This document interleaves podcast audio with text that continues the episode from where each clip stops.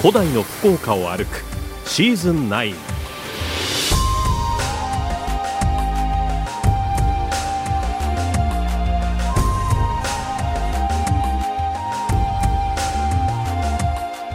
遥かな昔海の道からそして陸路を通じて福岡にはさまざまな文化が入ってきました。その足跡を訪ねる古代の福岡を歩くシーズン9この番組は宮山市の企画協賛餃子の山八道の駅宗像草と共に生きるオーレックの提供でお送りいたします。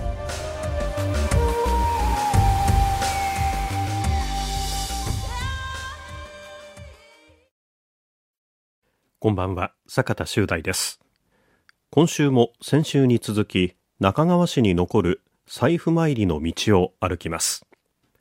ご案内は中川市の歴史ガイドボランティア中川の白津美恵子さんにお願いしました。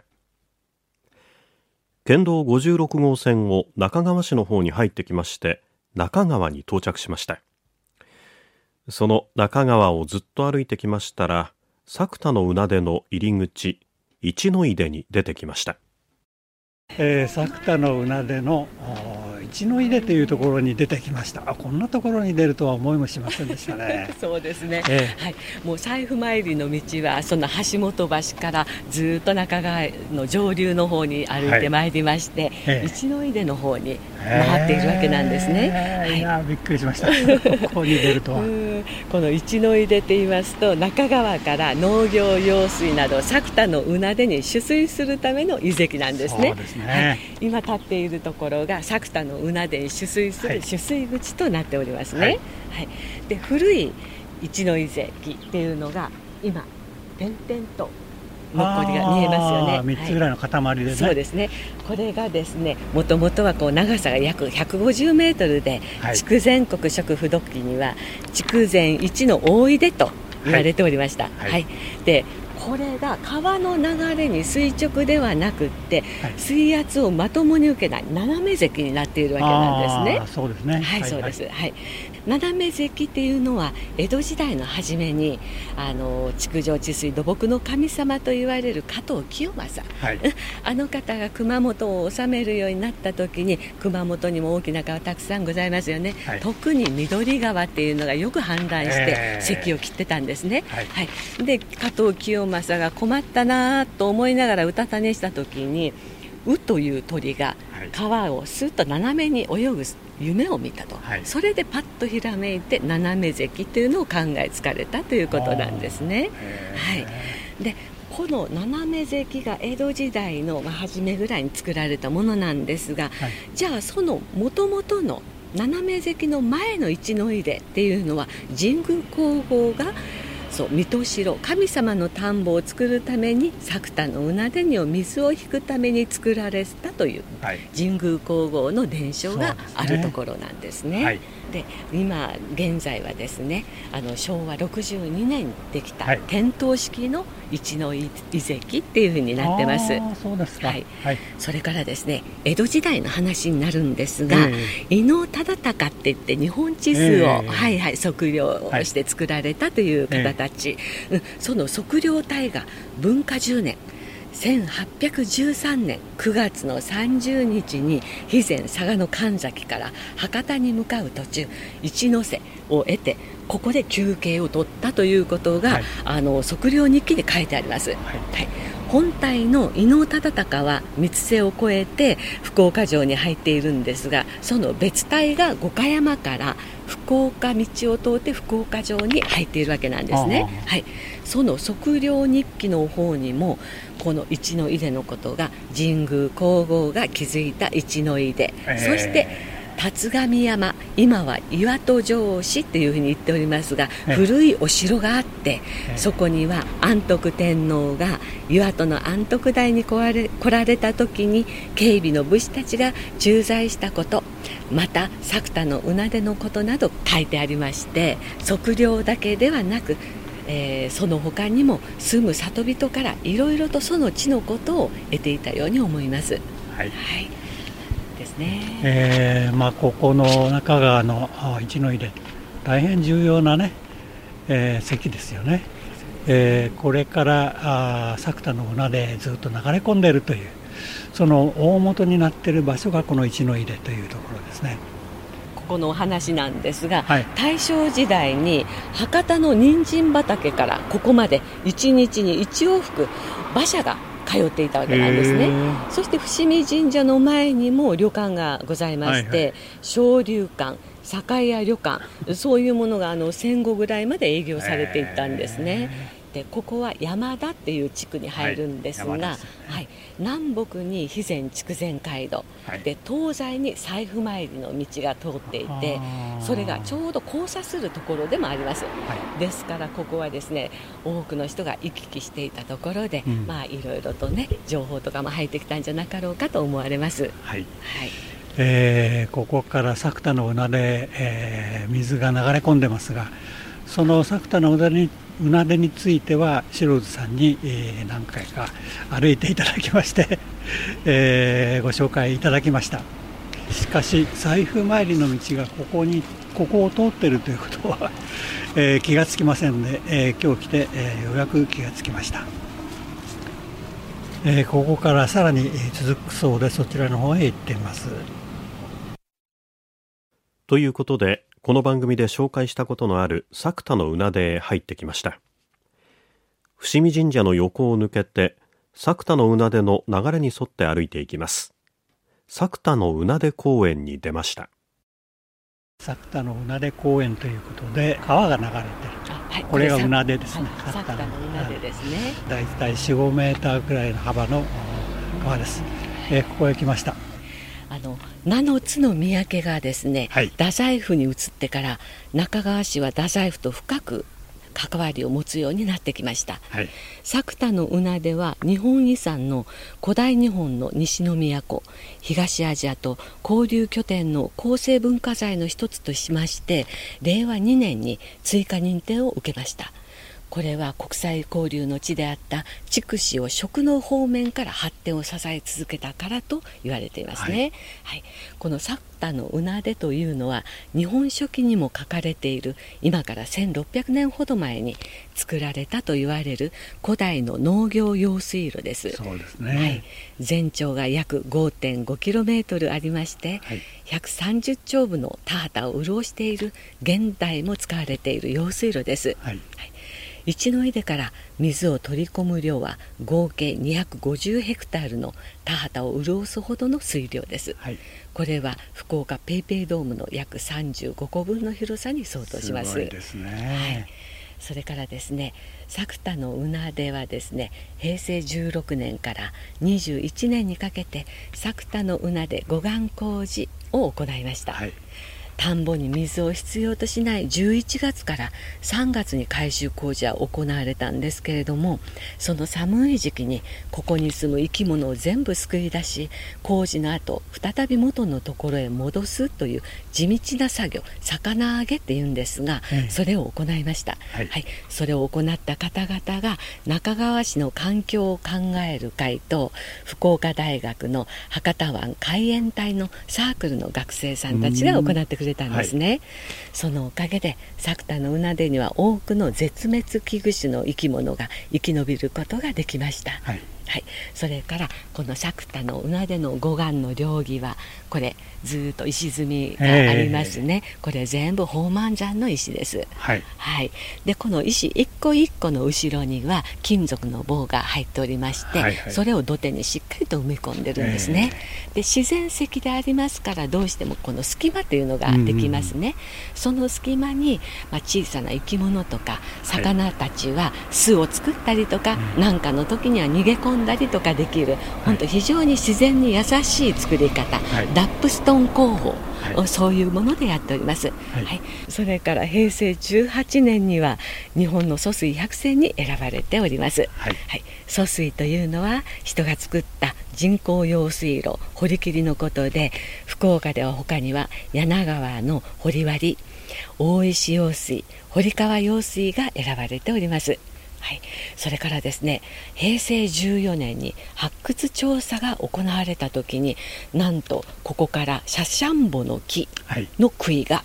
見つかったんですね、はい、はい、これは長さが45センチで直径が4センチ。これが16本確認されました、はい、放射線炭素分析の結果1305年から1355年ぐらいのものと判定されたわけなんです、はい、ここのところで一番最初に作田のうなでがあの文献に載ったのが「日本書紀」これが720年にできました、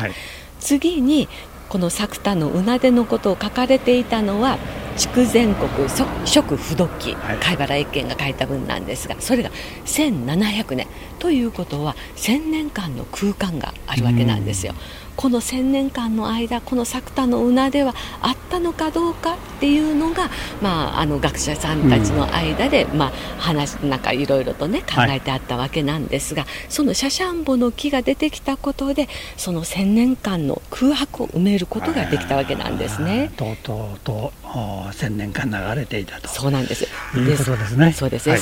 作田のうなでは何度も改修工事を受けながら現在まで大切に流れ続けていきたっていうことを物語っていることが分かったんですね。はい、えー、このもう本当に水が流れているかどうかわからないような感じの、えー、水があ、まあ、45メーターの幅で、えー、今流れてるらしいんですけども、ここから上から見てもよくわからないですが、まあ、少しあるかな流れがあるかなっていう感じがしますね。でここをですねえー、財布参りの人は歩いていたんですね。そうです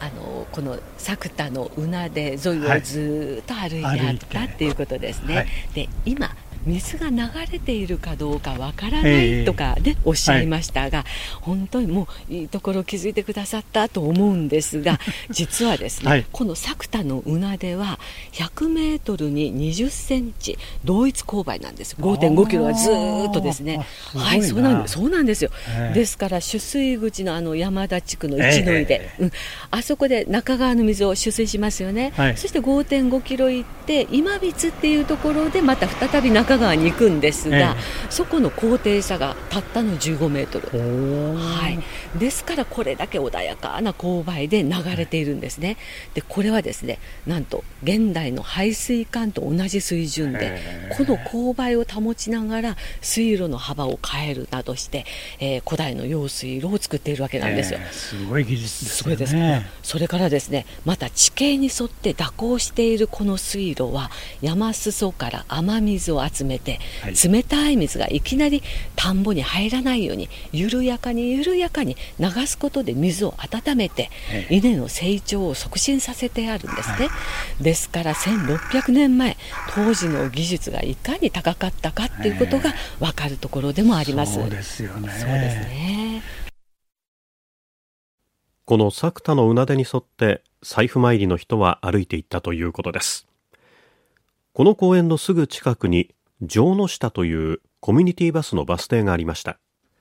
近くにお城があったようで白津さんに伺いますと。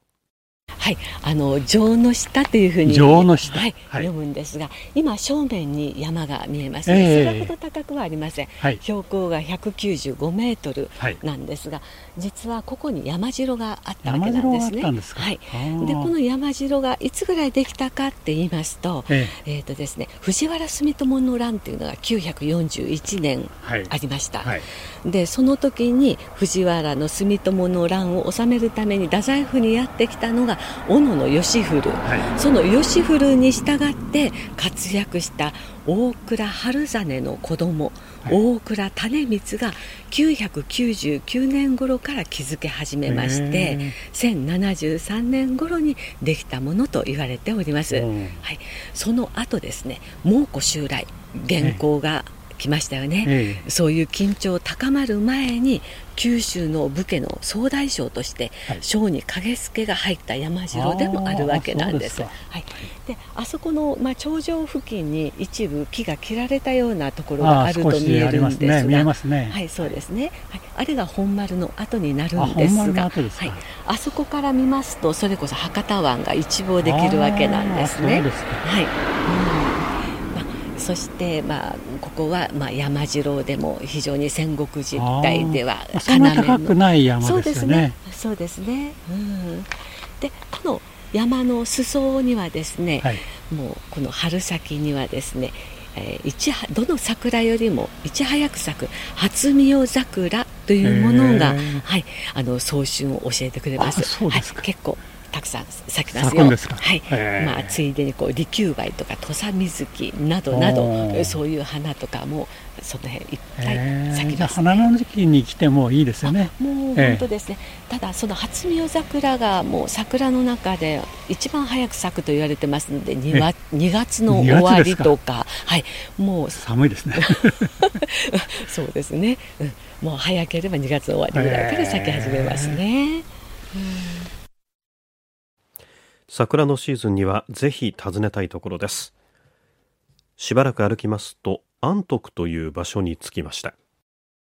あのここは安徳という地域に入ってまいりました。安徳というところですね、はい、はいその安徳の地名の由来なんですが、はい、平安時代の末期1183年の8月源平合戦で木曽の義仲に敗れ平家はこの筑紫の地に都落ちをいたしました、はい、その時に平清盛の長男重盛の養女の婿であった原田種直の館がそこの安徳台にあったわけなんです、はい、はい、そこに仮の御社を構えられて安徳天皇がしばらく滞在されたということから安徳という地名となったということなんですね、はい、はいでこの安徳天皇が中川を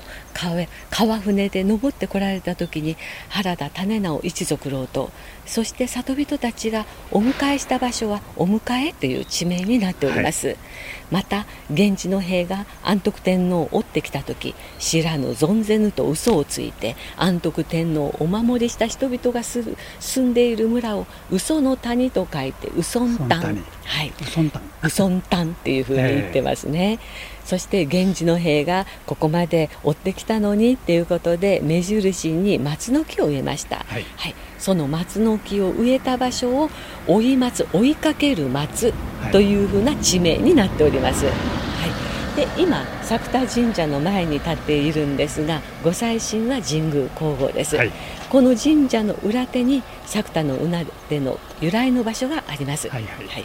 一の井出から引いた水をずっと通す用水路を作っていると大きな岩盤に遮られてしまいました、はい、そこで神宮皇后は家臣の竹之内の宿根に命じて剣と鏡を持って丘の上で祈りを捧げた時に丘が大きく轟いたかと思うと大きな岩盤が蹴り裂けた蹴り裂けたで裂けたのうなでが作田のうなでになったようなんですね。はい、はいで、まあ、その日本書紀に記載されるぐらい大岩でのとこところでの岩盤の掘削工事というのは非常に難工事だったということが推測されますし、はい、この工事は国家を挙げての大工事だったということも分かります。で安徳台がすぐ横にございますが、はい、ここの名称は日本書紀には轟の丘と、はい、そして江戸時代には五所ヶ原、はい、その後安徳台っていうふうに呼び名が変わっていきました。えー、ということで、えー、ここは作田神社の前に来てますがこの作田神社に、えー、作田のうなでの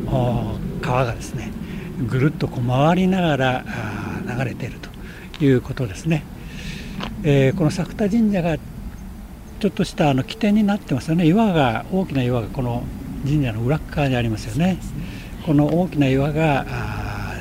水路を掘るのに邪魔をしたということで回り道をして水が流れているといったような感じです。ね。この作田神社の横をですね財布参りの道がずっと通ってまして安徳村の方へ続いているということです、はい、そしてさらに流れに沿って歩いていきます、えー、作田のうなれの下流の方にやってきました。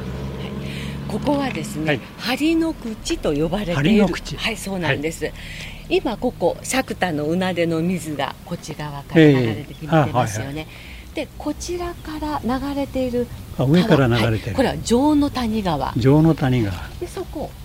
また川がちっちゃい川流れ込んでますね。あいろんな川が流れ込んできて川この作田の浦で城の谷川平蔵川この3つの川が一色体になっているところはこの針の口なんですね、はい、はい、だからこの雨が降った時なんかは水位が結構上がりましてあれでしょうね。そうですね。でこういうまあ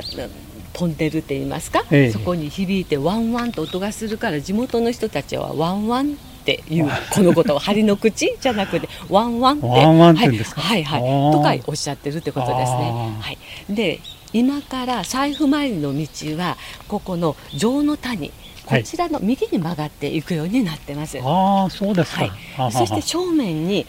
あの新しい住宅地が見えますよね、えー、はい、あそこ今はコットンヒルズというふうに言っております。えー、はいでそこを開発するときにですね、はい、発掘調査が行われまして、中世の陣次路跡っていうことが分かったんですよ。はい、陣次路というのは戦のために臨時的に構えられるお城で、山を切り盛りして堀を作って、うん、あのそういう土の城を陣次路と呼んでいるわけなんですね。その跡が見つかったところですね。はい、で今からあの財布参りの道はこちらの右の方にどんどんと登っていくことになります。そうですか。はい、はい中川市に残る財布参りの道。もうしばらく歩きます。ご案内は中川市の歴史ガイドボランティア中川の白津美恵子さんにお願いしました。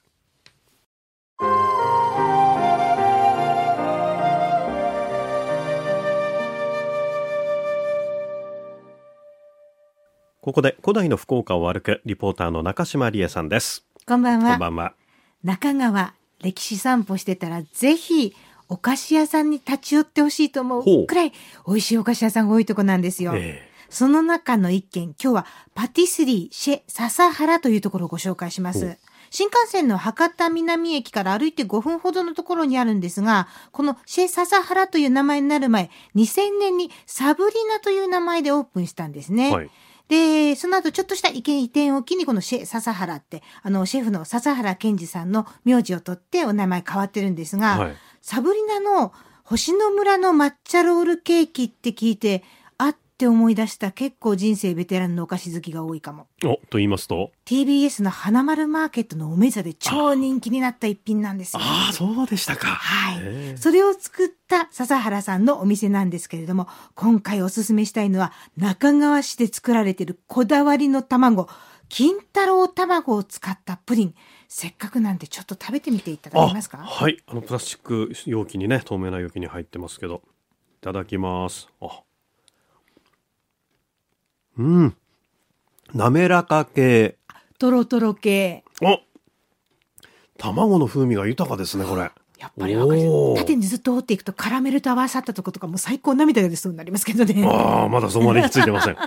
この金太郎卵、その腸内環境、鳥のね、良くなるようにって言って混ぜてる金太郎っていうものが、この美味しさの原因、元気な鳥が生まれる原因なんですけれども、このプリンの美味しさ。美味しい。でしょ。カラメルまで行き着きました。これですね。幸せな味がするんですよ。もう近年ね指折りもう片手に入るぐらいの美味しいプリンなんです。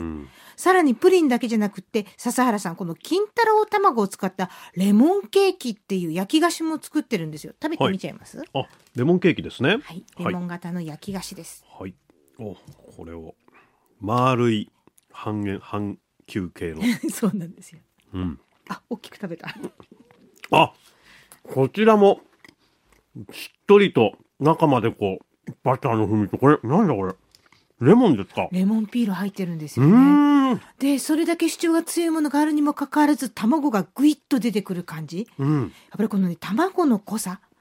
が最高なんだっていう話だったんですよね。なるほど。あ、レモンの風味が後からこう、きますね。でしょう。うん、でも笹原さん、いや、実はこの黄身だけじゃないんだよっていう話を聞かせてくれました。えー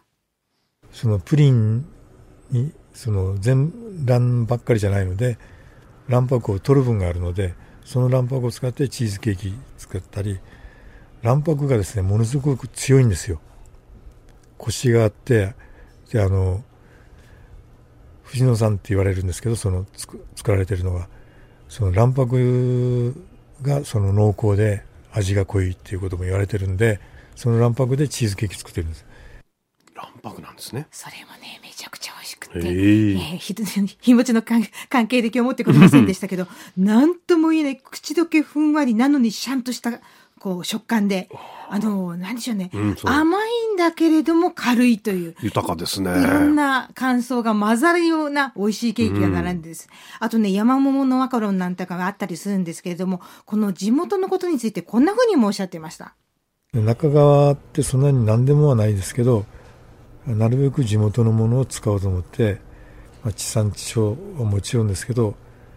あとはもうチョコレートとかはですね、輸入物になりますけど、なるべく自分が使いたいものをそうなんですよ。だからか、イタリアンシシリー産のローストピスタチオとか、ヨーロッパのビター味がこう違うアーモンドとか、一品にすごいこうこだわってらっしゃるんですよね。はい、で、さらにこんな風にもおっしゃってました。けど、そういうものを使わせてもらってるからですね。だから、その、自分がこだわってどうこうというよりも、そのまま食べたら美味しいものを自分たちはそれに手加えて、そのままじゃ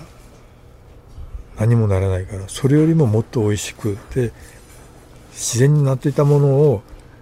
手を加えてもまだ自然を感じられるようなものとか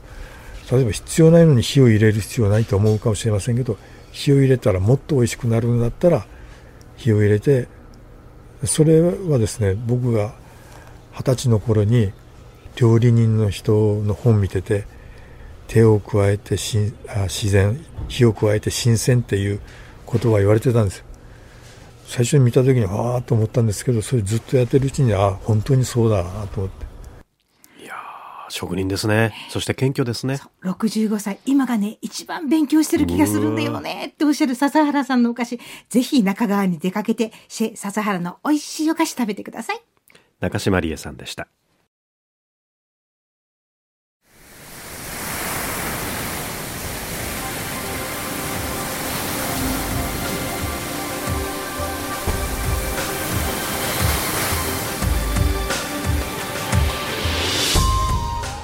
番組からのお知らせです。ホームページのご案内です。これまでの放送内容と番組を1回目からじっくり楽しむことができます。RKB ラジオのホームページの古代の福岡を歩くシーズン9のバナーをクリックしてください。またラジオクラウドという無料アプリをダウンロードすればスマートフォンやタブレットからもお聞きいただけます。この番組は宮山市の企画協賛餃子の山八。道の駅宗像。草と共に生きるオーレックの提供でお送りいたしました。ご案内は坂田修大でした。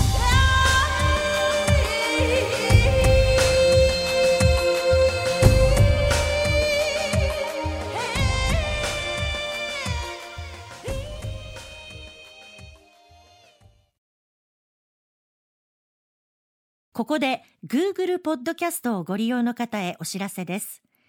Google ポッドキャストは2024年6月23日をもってサービスを終了します。